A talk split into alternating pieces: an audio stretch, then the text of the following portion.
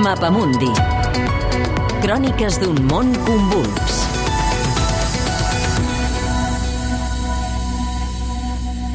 Bèlgica contra el seu passat colonial, l'ombra del rei Leopold.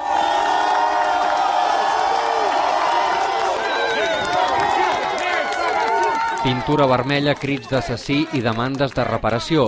Bèlgica ha sortit al carrer per rebel·lar-se contra Leopold II, el rei a qui es fa responsable de 10 milions de morts al Congo colonial.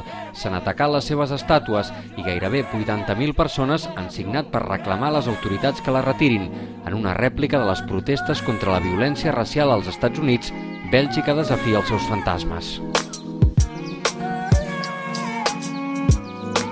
Black Lives Matter has to do Black Lives Matter té a veure amb reconèixer les històries dels ciutadans negres i penso que les històries dels ciutadans negres a Bèlgica encara no s'han reconegut quan parlem del passat colonial. Aquest és un passat que no hem abordat correctament. L'activista Stephanie Collingwood és una de les cares del moviment contra la discriminació racial a Bèlgica, que ha fet sortir 10.000 persones al carrer. No hi haurà més protestes pels advertiments sanitaris del govern, però els activistes fan pressió perquè les autoritats retirin les estàtues de Leopold II coincidint amb la commemoració el 30 de juny de la independència del Congo. Volem les estàtues retirades completament perquè no veus estàtues de Hitler a Alemanya. Podem aprendre del passat i això no significa que l'haguem de tenir present en el nostre espai públic. Anvers, a Flandes, ha estat la primera ciutat a retirar-ne una per avaluar-ne l'estat després d'aparèixer pintada. Els intents de reparació del passat colonial, però, no són nous. Ara fa un any, el primer ministre belga va demanar perdó per com l'Estat havia maltractat els nens mestissos nascuts durant l'etapa colonial. Ara fa dos anys, Brussel·les va inaugurar una plaça amb el nom del líder anticolonialista Patrice Lumumba i ara fa dos anys i mig la ciutat va reobrir el Museu d'Àfrica després de reformar-lo, tot i que tímidament, per canviar el relat sobre l'època colonial.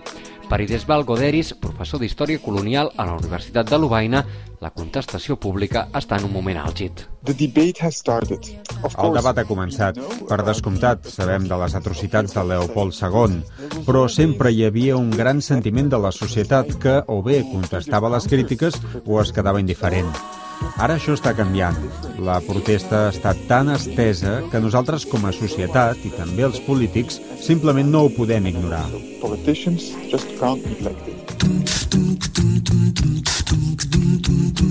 Leopold II va governar amb violència al Congo a finals del segle XIX per extreure'n el cautxú, obligant la població als treballs forçats i causant milions de morts. L'explotació es va transformar en riquesa per a Bèlgica amb obres faraòniques com el Palau de Justícia de Brussel·les. Els activistes demanen que es revisi com s'ensenya aquest passat. Pel professor Goderis, que acaba de publicar junt amb una trentena d'historiadors el llibre El Congo colonial, ja s'han fet passos endavant. When I studied history, we Quan vaig estudiar història, només vam dedicar dos minuts al Congo.